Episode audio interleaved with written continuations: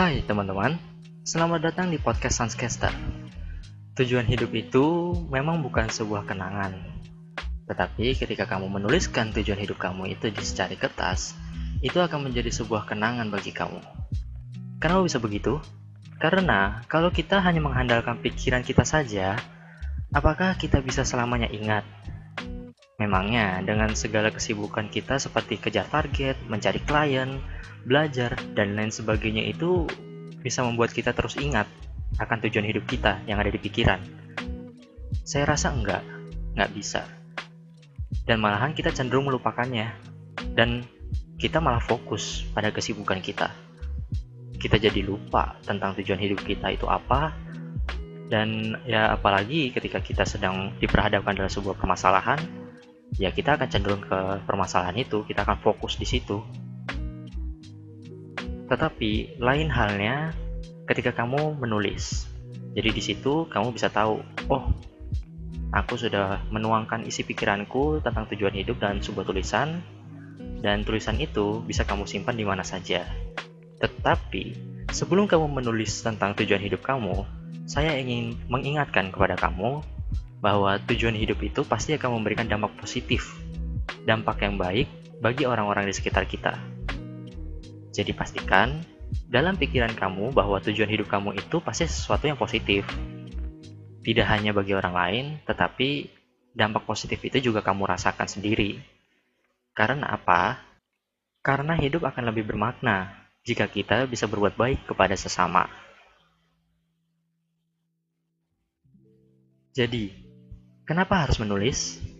Karena dengan menulis itu kalian bisa menumpahkan segala isi yang ada di pikiran kalian itu apa gitu jadi sebuah tulisan selain itu menurut saya ketika kamu sedang lagi baik pikiran nih atau malah pengen curhat dan nggak tahu harus curhat ke siapa dan nggak tahu juga harus bagaimana ya salah satu wadah yang bisa kamu gunakan ya itu ya menulis kamu menulis di sebuah buku atau di sebuah kertas itu ya terserah kamu tapi yang pasti ada sebuah wadah yang bisa kamu tumpahkan melalui tulisan. Bisa kamu tulis di diary atau mungkin di notebook atau mungkin ya kamu bisa menggunakan banyak hal. Karena terutama nih ketika kamu lagi banyak pikiran, kamu tuh bisa tuh merincikan apa sih yang ada dalam pikiran kamu itu, yang sedang kamu pikirkan tuh apa aja. Kamu tulis aja semuanya. Kamu lagi bikin apa kamu tulis. Mau hal yang nggak penting pun kamu tulis aja. Karena apa? Kalau kita hanya mengandalkan pikiran saja dan nggak mau menumpahkannya melalui tulisan yang ada malah kita tuh jadinya overthinking. Terlalu banyak mikir.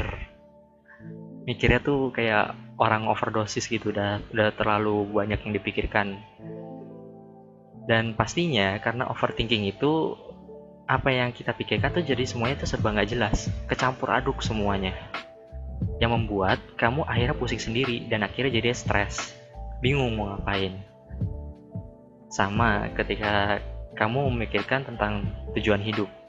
Kalau cuma di pikiran aja, yang malahan ya kamu jadinya overthinking karena kepikiran pengen ini, pengen itu dan lain sebagainya.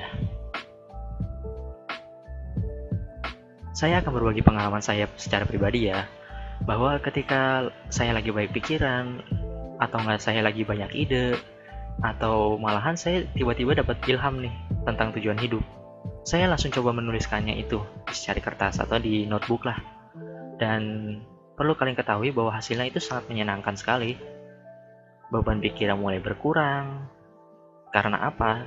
karena semua hal yang ada di pikiran saya itu saya tulis jadi ibaratnya seperti sebuah ember yang sudah kepenuhan air dan kita tahu nih sebenarnya ember ini udah penuh. Ya kita harus tuang ke wadah yang baru dong, ke wadah yang kosong gitu. Supaya si ember ini bisa kita isi lagi dengan air yang baru. Dan ya udah, anggaplah seperti itu. Jadi ketika kamu banyak pikiran, kamu tulis. Ketika kamu banyak pikiran, kamu tulis. Begitu aja terus. Sampai akhirnya teman-teman merasa pikirannya tuh udah mulai tenang. Dan gimana kalau misalkan kambuh lagi? beban pikirannya banyak lagi gitu ya udah lakuin aja yang sama tulis aja tulis tulis dan tulis gitu Nah, selanjutnya, ketika kamu sudah memikirkan apa tujuan hidup kamu dan udah ketemu nih, apa? Tuliskan saja dan kemudian simpan di suatu tempat. Kalau misalkan kamu takut ada orang lain yang melihatnya, ya kamu sembunyikan saja. Tapi yang pasti, kamu harus tahu si tujuan hidup ini tuh kamu simpan di mana gitu. Jadi yang tahu ya hanya kamu aja.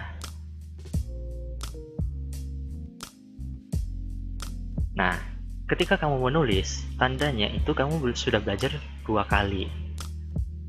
Karena apa? Karena yang ada dalam pikiran kamu, kamu tuliskan itu dan ya, kamu sudah merekam ingatan kamu melalui tulisan. Makanya dibilangnya jadi belajar dua kali. Karena apa? Yang ada di pikiran, kamu tulis, tumpahkan itu berupa tulisan, dan ketika kamu baca lagi, ya itu akan masuk lagi ke otak kamu jadi sebuah informasi jadi sebuah ingatan yang baru gitu misalkan kok kamu lupa makanya nggak nggak jarang nih para seniman atau para sastrawan atau bahkan ya bahkan dosen saya sendiri pun yang udah senior itu mengatakan ke mahasiswanya bahwa ayo menulis. Bagikan ilmu kamu dengan menulis. Karena melalui tulisan ilmu kamu tuh bisa dilihat banyak orang loh. Dengan tulisan ide kamu itu bisa diraba oleh orang lain. Dan kamu bisa mengemukakan sudut pandang kamu itu melalui tulisan dan akhirnya bisa diketahui oleh banyak orang. Nah, itu dari segi manfaat dan masih banyak yang lainnya. Terus, apa manfaatnya bagi diri kita sendiri nih? Manfaat bagi diri kita sendiri, jadi kita tuh jadi punya karya, punya karya tulis. Ini loh, karya saya. Ini yang saya tulis, ini ide-ide saya semua, ini sudut pandang saya semua gitu tentang segala sesuatu hal yang terjadi di sekitar saya. Saya bikin pendapat saya dan saya bikin berupa tulisan. Dan pastinya nih ya, kalau misalkan ada orang lain yang lihat tulisan kita dan akhirnya orang itu merasakan dampak positif dari tulisan kita, pasti kita tuh akan merasa senang dong kalau misalkan kita tahu, oh orang ini nih mengalami dampak positif nih ketika melihat tulisan saya. Kehidupannya bisa semakin berubah menjadi lebih baik lagi ya tentunya ya. Dan karena hal itu juga kita pasti akan semangat dong dan termotivasi untuk membuat tulisan-tulisan lainnya yang tujuannya bermanfaat bagi orang lain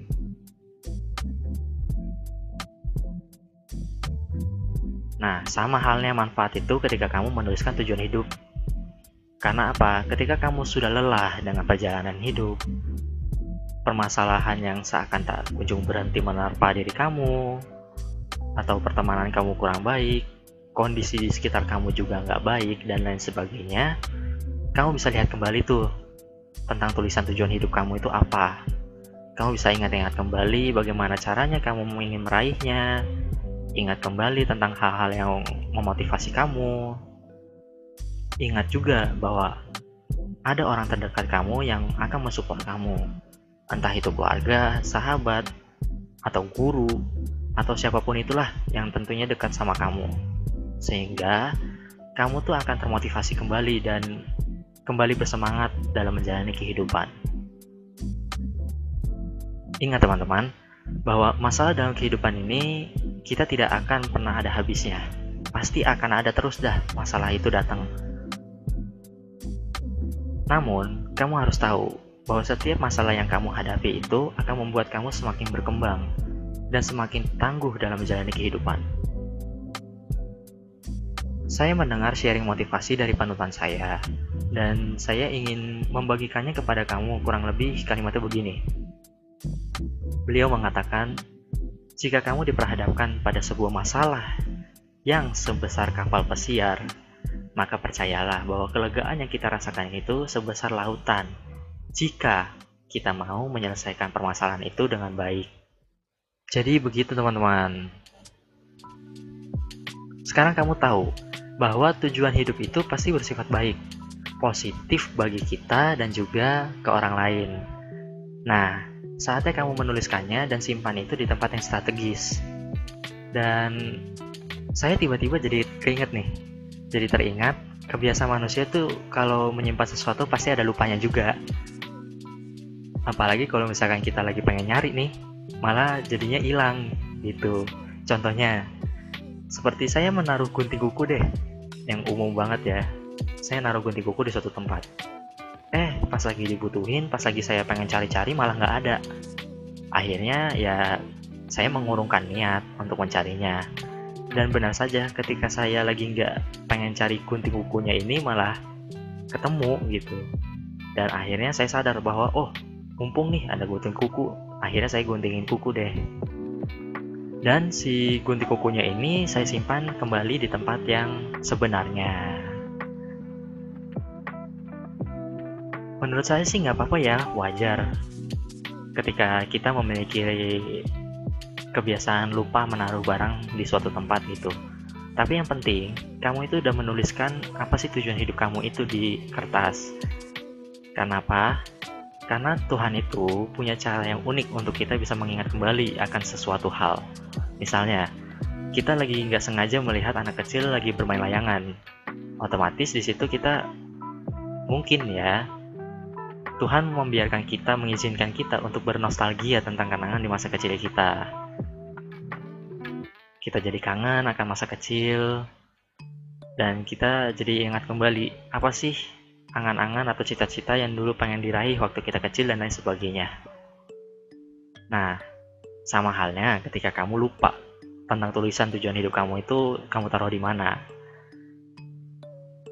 Tuhan pasti akan membuat kamu menemukan tujuan hidup kamu atau bahkan kamu secara nggak sengaja ketika sudah lupa dengan tujuan hidup kamu karena kamu sudah terlalu fokus nih dengan kesibukan kamu.